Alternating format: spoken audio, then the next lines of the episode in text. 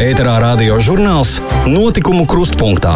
Ieklausīsimies ekspertu viedokļos par sabiedrībā būtiskiem jautājumiem, analizēsim mediju saturu, veicināsim kritisko domāšanu un spējas reaģēt uz safabricēto un manipulatīvo informāciju.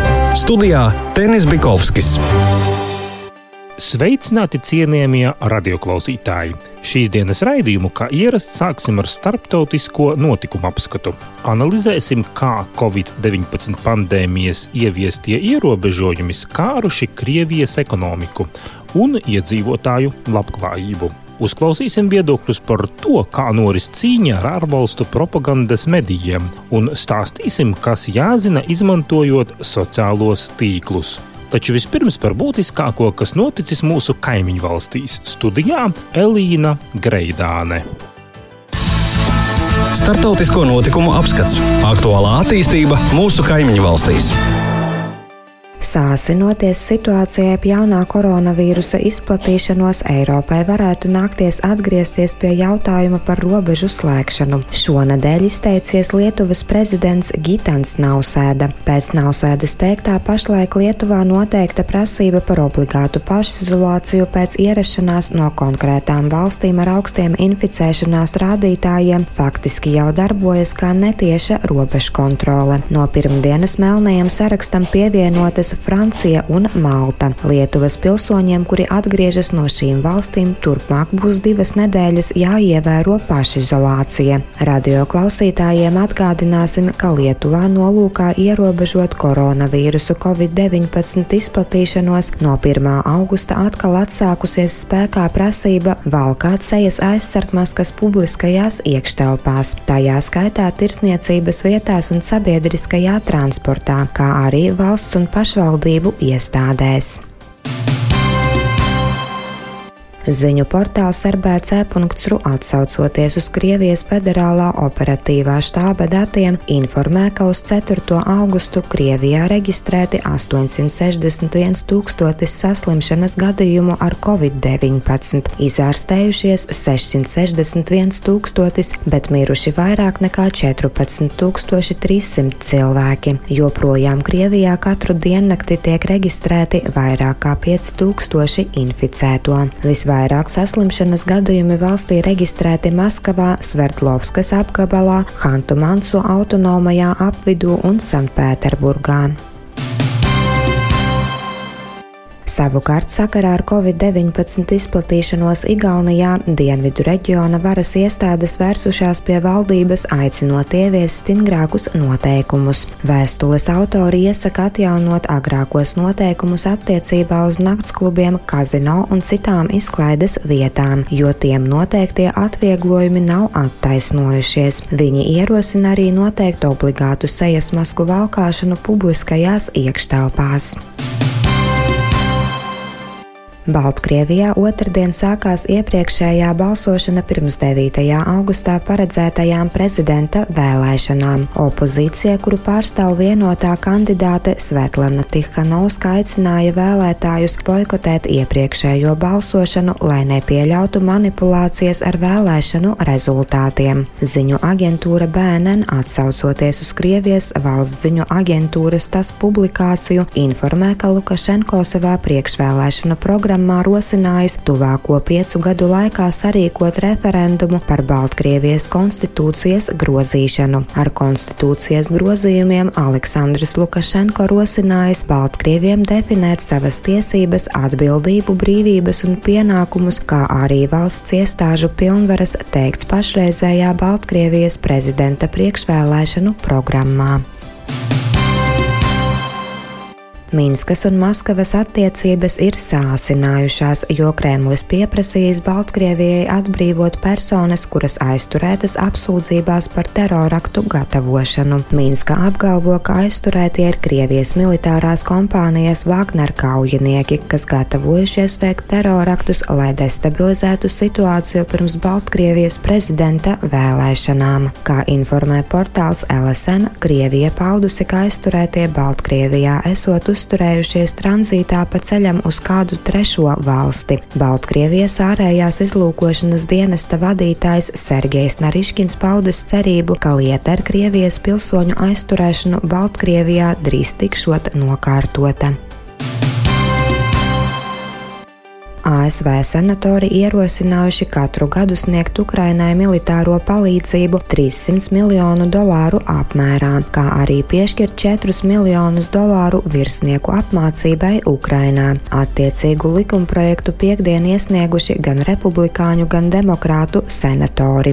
Vašingtona vairāk kārt uzsvērusi, ka Savienotās valstis stingri atbalsta Ukrainas suverenitāti un teritoriālo integritāti. Tā ir saskaroties ar Krieviju Krievijas agresiju. Atgādinām, ka konfliktā Ukrainas austrumos dzīvību zaudējuši 13 tūkstoši cilvēku, bet apmēram 3 miljoni devušies bēgļu gaitās.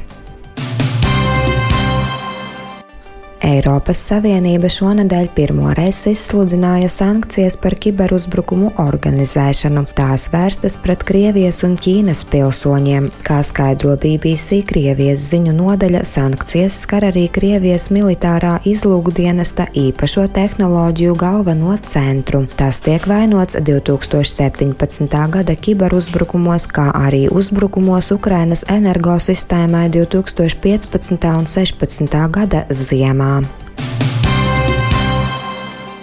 Lielbritānijas valdība aicinājusi medicīnas preču piegādātājus veidot uzkrājumus, ņemot vērā to, ka tuvojas Brexita pārējas posma beigas. Sarunas par pēc-Brexita brīvās tirdzniecības vienošanās starp Lielbritāniju un Eiropas Savienību pašlaik ir nonākušas strupceļā. Ja vienošanās netiks panākta, tad abu pušu attiecības tirdzniecībā turpmāk regulēs ar muitas nodevām un tirdzniecības barjerām. Šāds scenārijs var var nozīmēt preču plūsmas samazināšanos starp Lielbritāniju un pārējām Eiropas valstīm.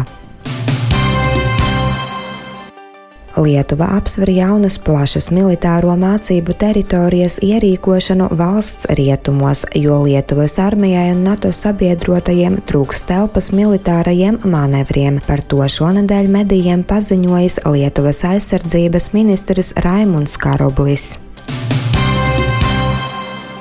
Polijas augstākā tiesa šonadēļ noraidījusi iesniegtās sūdzības un atzinusi prezidenta vēlēšanas par likumīgām. Tajās tikai ar 2% pārsvaru uzvarēja pašreizējais valsts vadītājs Andrzejs Duda. Tiesa noraidījusi arī Varšavas mēra Rafala Štaskovska pārstāvju sūdzības par valsts resursu izmantošanu priekšvēlēšanu kampaņā, jo apvainojumi nebija pietiekami pamatoti un konkrēti.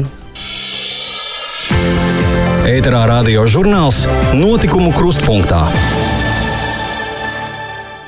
Bet raidījuma notikumu krustpunktā turpinājumā pie mikrofona aicināšu Andreju Trokšu, kurš stāstīs par Covid-19 pandēmijas iespaidu uz ekonomiku.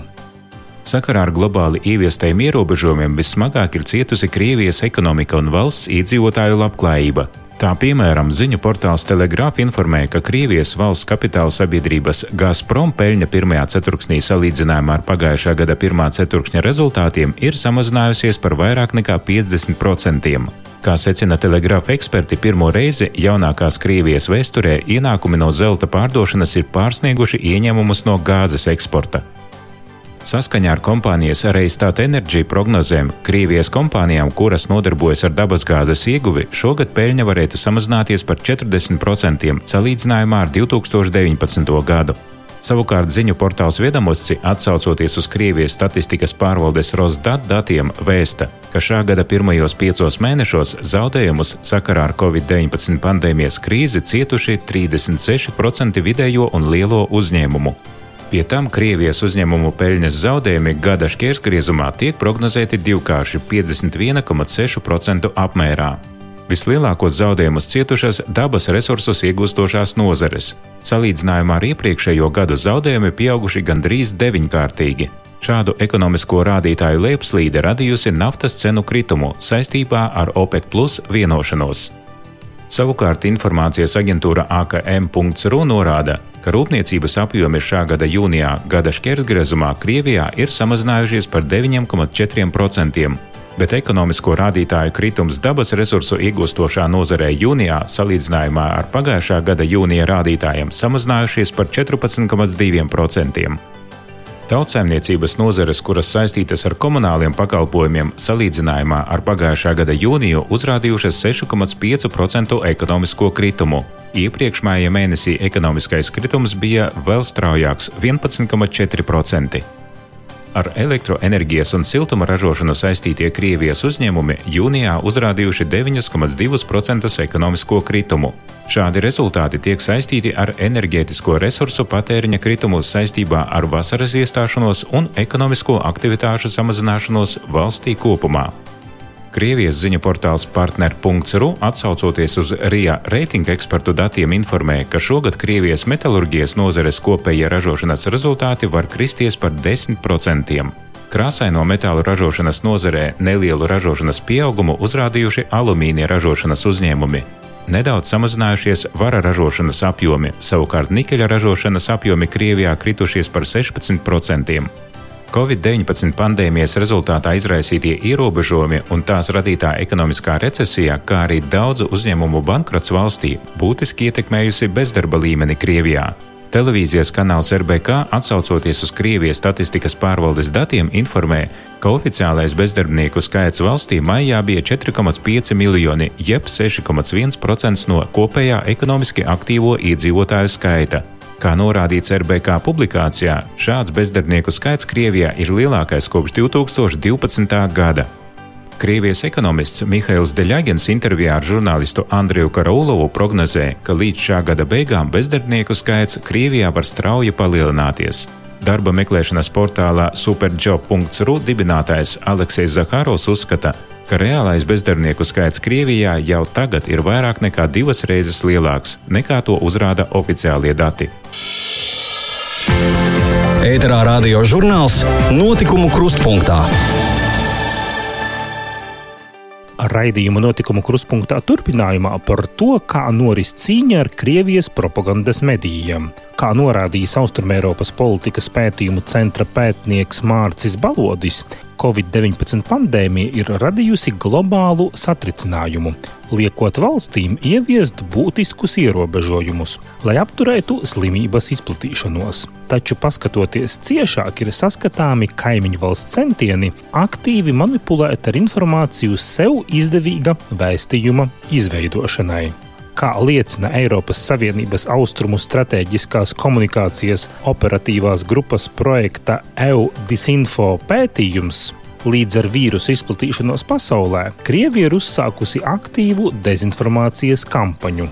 Katras dezinformācijas kampaņas mērķis ir raisīt hausu un neskaidrību par notiekošo, prokremliskie mediji un viedokļu līderi nāk klajā ar jau ierastajām teorijām par to, ka vīrusu radījuši ārvalstu zinātnieki vai izteikti viedokļi par apakaliptiskām teorijām un liberālās pasaules kārtības vai civilizācijas galu, kā piemēram lasāms Aleksandra Dugina rakstā portālā geopolitika.ru.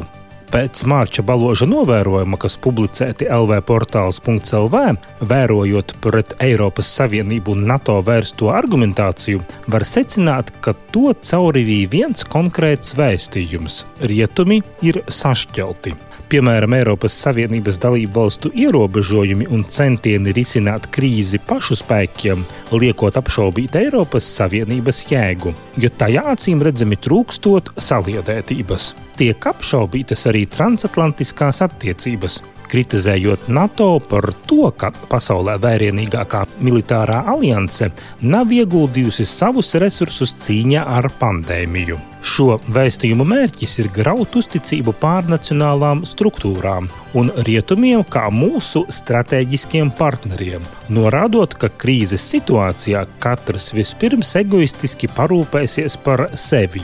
Dezinformācijas kampaņas sekundārais mērķis ir stiprināt Krievijas tēlu gan starptautiskā līmenī, gan arī iekšpolitiski.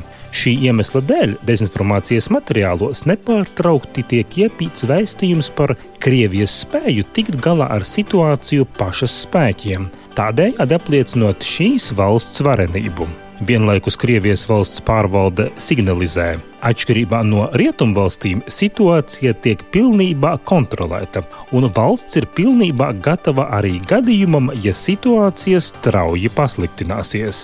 Tādējādi tiek kultivēta ideja, ka Krievijas nedemokrātiskais režīms spēj nodrošināt labāku vai drošāku dzīvi nekā rietumvalstis.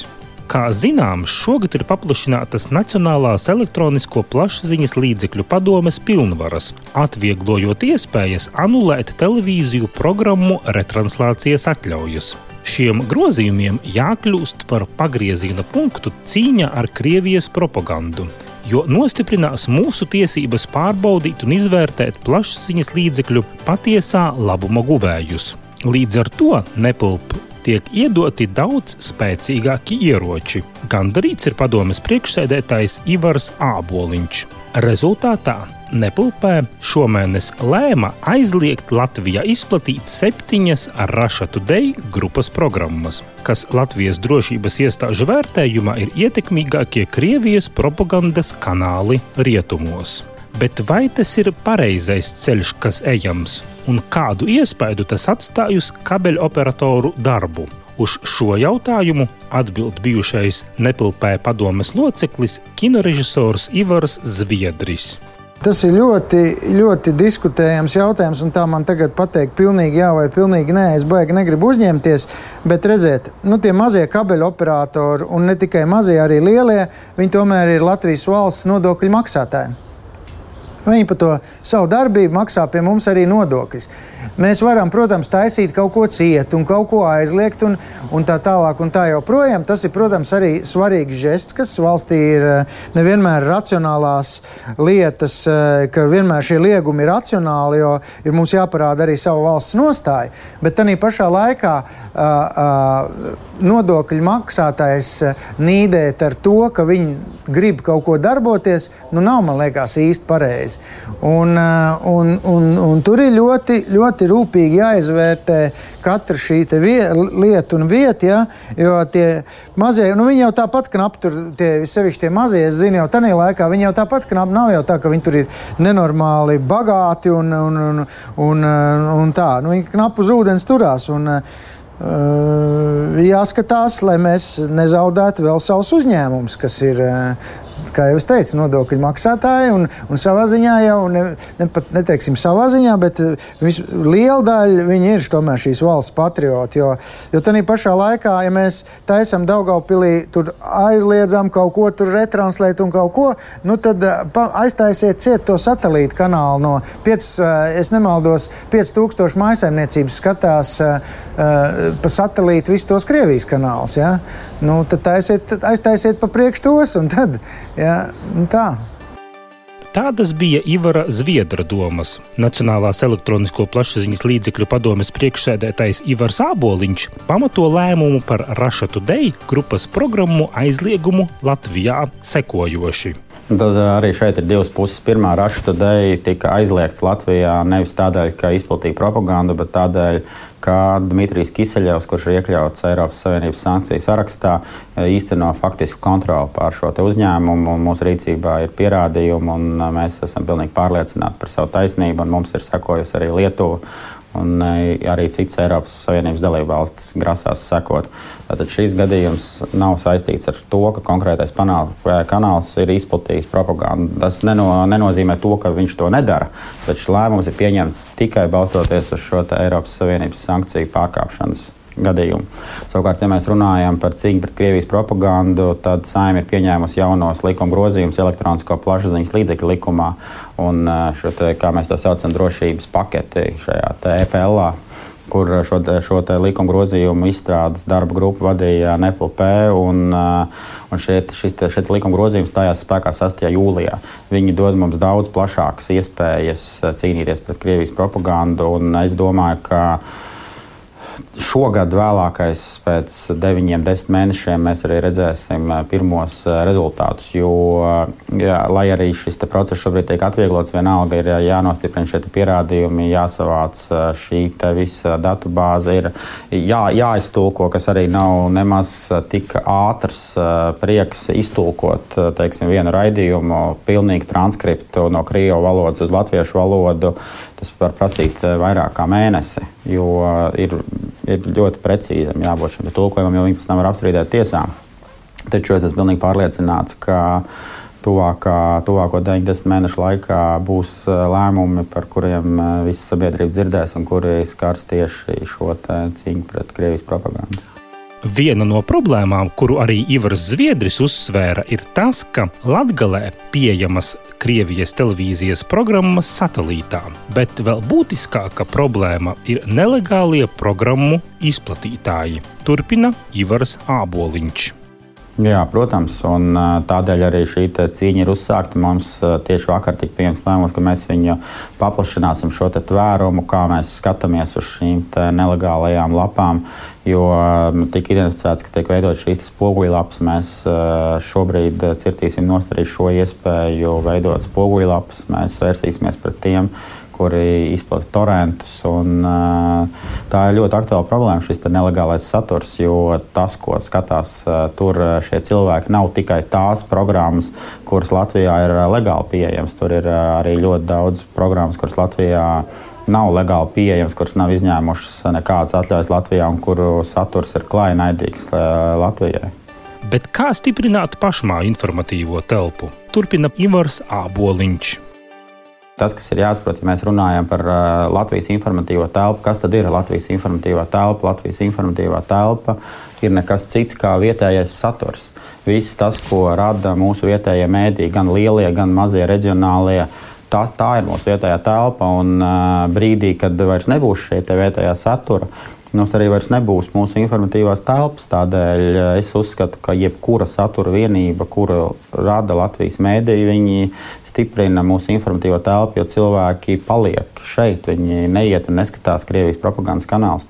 Tas, ko šobrīd NPLP dara, šogad, kā zināms, bija jau gada sākumā konkurss par 500 eh, tūkstošiem eiro mēdījiem. Bija arī šie 200 tūkstoši bezmaksas aprēdē raidošajām programmām. Tāpat bija šī Latvijas programma par vairāk nekā 70 tūkstošiem eiro.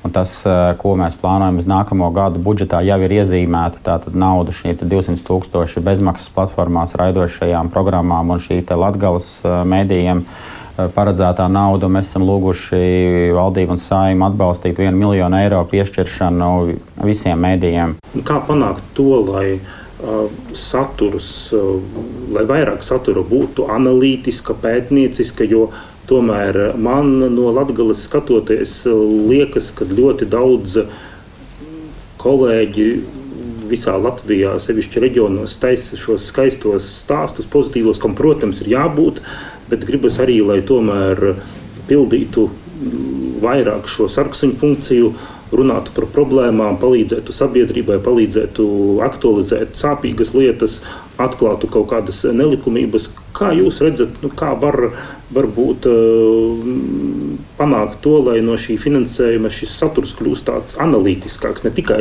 tāds uh, skaisti izklaidējošs. Šis te konkurss uh, par vienu miljonu eiro, ko mēs rīkojam, arī pierāda to, ka mēs ejam šo ceļu. Vairāk kā 600 tūkstoši eiro tika paredzēta tieši šim informatīvu analītiskiem saturam, tika atbalstīta tāda raidījuma, kā nekā personīga, kā TV3 ziņas, kas ir visiem pazīstami Eh, kvalitatīvi produkti vienlaikus ir jāsaprot, ka nevar būt informatīvā telpā tikai analītisks saturs, jo kādēļ cilvēki skatās arī šīs Krievijas programmas, tādēļ, ka tur ir ļoti kvalitatīvs izklaides saturs. Un cilvēkiem ir, un ceļš, ja cilvēks sēž četrās sienās, kā pašizolācijas laikā, viņam vienā brīdī sajūgs prātā, ja viņam visu laiku būs jāskatās analītika, viņam vajag arī izklaidi. Un tādēļ konkrēta naudas summa bija paredzēta arī izklaides raidījumiem, cilvēku iemīļotajiem rīta radiošoviem. Uh, Eh, programmām eh, šis izklaides saturs eh, ir jāatrod līdzsvars starp šo analītiku un izklaides saturu. Taču bez šaubām analītika ir prioritāte, un to arī parāda šis mūsu konkurss. Taču vienlaikus mēs atbalstījām gan sporta raidījumus, gan izklaides raidījumus, un es domāju, ka šis līdzsvars tiks sasniegts.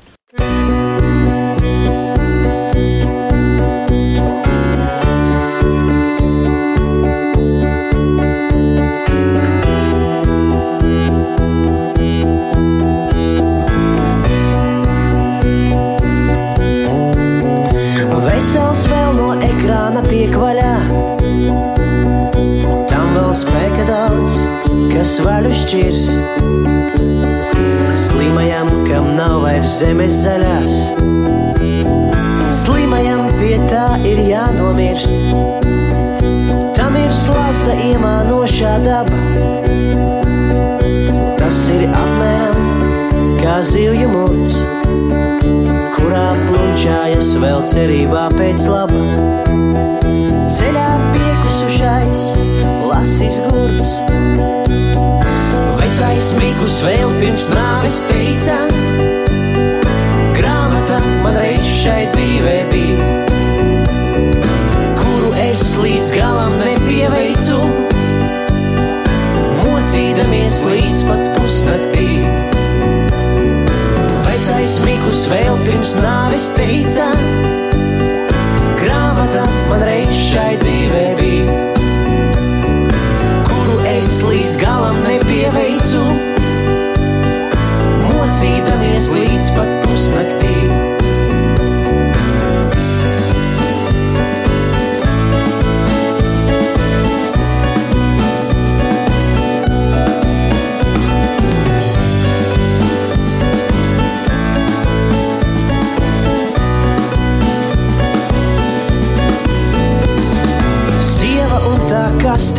abas labas.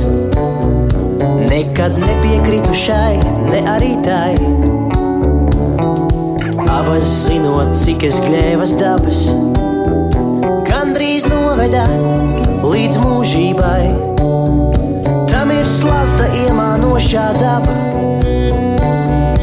Tas ir apmēram kā zivju mūrs, kurā plunčājas vēl cerībā pēc laba ceļā piekusušais, lasis gurts.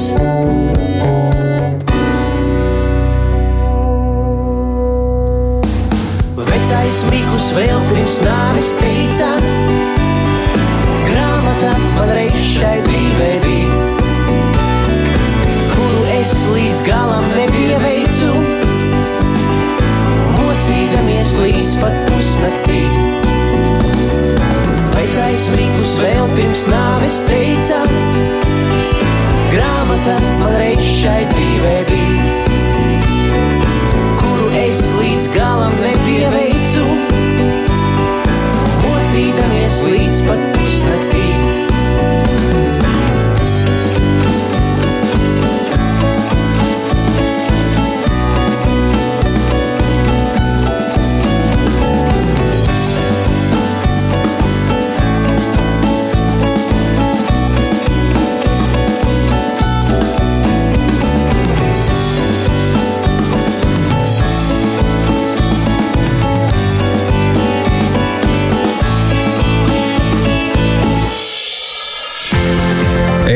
Ēterā radio žurnāls Notikumu krustpunktā.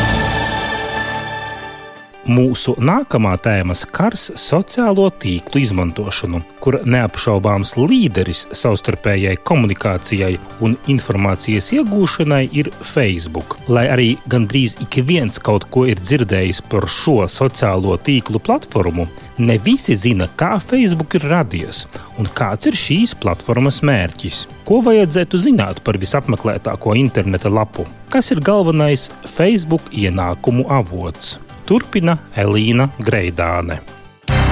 Mediju pratības sadaļa - kas ir kas? Kā atzīt viltus ziņu? Vai mēs dzīvojam divās informācijas telpās? Kas ir maigā vara? Kas ir propaganda un dezinformācija? Kā atzīt maldinošas fotogrāfijas un video? Kas ir sabiedriskais pasūtījums? Vai sociālajos tīklos drīkst ievietot fotoattēlus bez saskaņošanas ar autoru?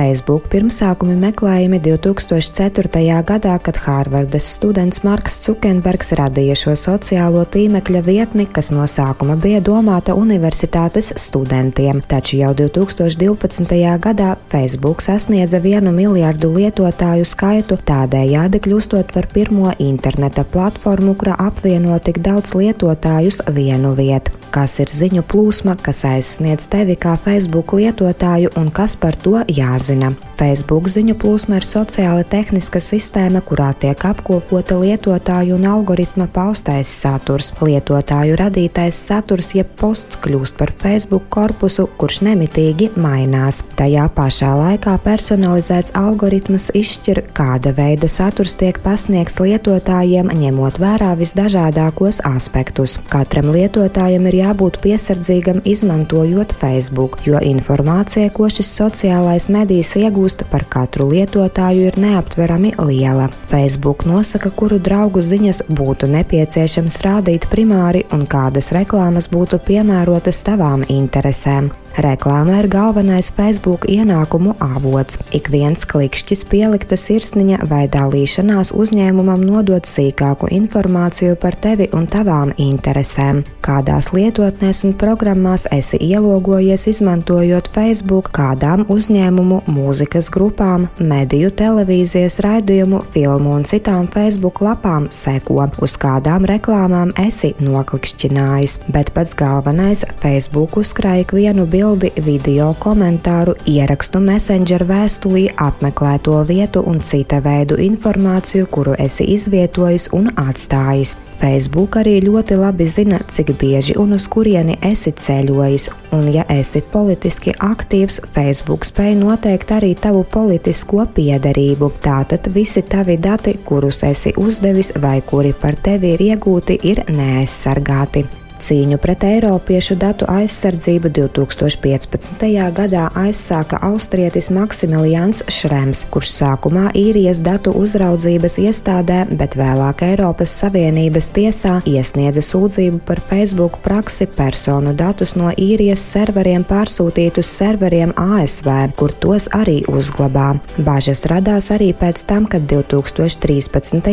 gadā bijušais ASV centrālās izlūkošanas dienesta pārstāvjums pārvaldes analītiķis Edvards Snowdens atklāja, ka ASV nekādīgi neaizsargā datus, kas šai valstī pārsūtīti. Tiesas lēmums, kas Šremam bija labvēlīgs, tagad jāpilda visiem uzņēmumiem, kas nodarbojas ar datu nodošanu uz ASV.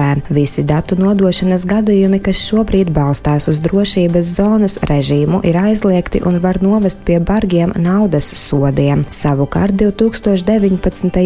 gadā ASV Federālā tirzniecības tirzniecības komisija vienojusies, ka Facebook jāmaksā 5 miljardi ASV dolāru par kompānijas izdarītajiem privātuma pārkāpumiem. Nobeigumā jāuzsver, ka lietojot Facebook un citus sociālos tīklus, jāuzmanās no viltus profiliem. Tāpēc pievērsiet uzmanību tam, ka viltus profilā bieži nav nevienas bildes, kas uzņemta Latvijā vai kopā ar citiem cilvēkiem, kā arī paņemtas citu cilvēku fotogrāfijas. No viltus profila raksta angļu valodā un pārspīlētā vēlmē sazināties. Pārbaudiet, vai ar šādiem viltus profiliem nesazinās jūsu bērni. Centrs Dārdudze vecākus aicina arī izpētīt Latvijas drošāka interneta centra sociālo tīklu drošības ceļvedi, kurā ērti pieejami dažādu sociālo tīklu kontroles rīki, kā arī iespējas pašiem ziņot sociālo tīklu administrācijai par problēmu situācijām. Šīs Covid-19 pandēmijas situācijas laiks ir sarežģīts ikvienai ģimenei, taču būtiski padomāt par bērnu drošības aspektiem, kas ietekmēs viņu dzīvi gan šobrīd, gan ilgtermiņā. Riski internetā nav virtuāli, tie ir reāli. Ēterā radio žurnāls Notikumu krustpunktā. Mūsu šīs dienas raidījums izskan. Ar raidījumu notikumu krustpunktā redakciju varat kontaktēt rakstot e-pastu uz info at dekaradio.lv. Visu labu mūsu klausītājiem abos Daugavas krastos novēlu es Tenis Bikovskis. Uz sadzirdēšanos jau nākošnedēļ. Projektu finansē Mediju atbalsta fonds no Latvijas valsts budžeta līdzekļiem. Par raidījumu saturu atbild projekta īstenotājs Divu Krastu Radio.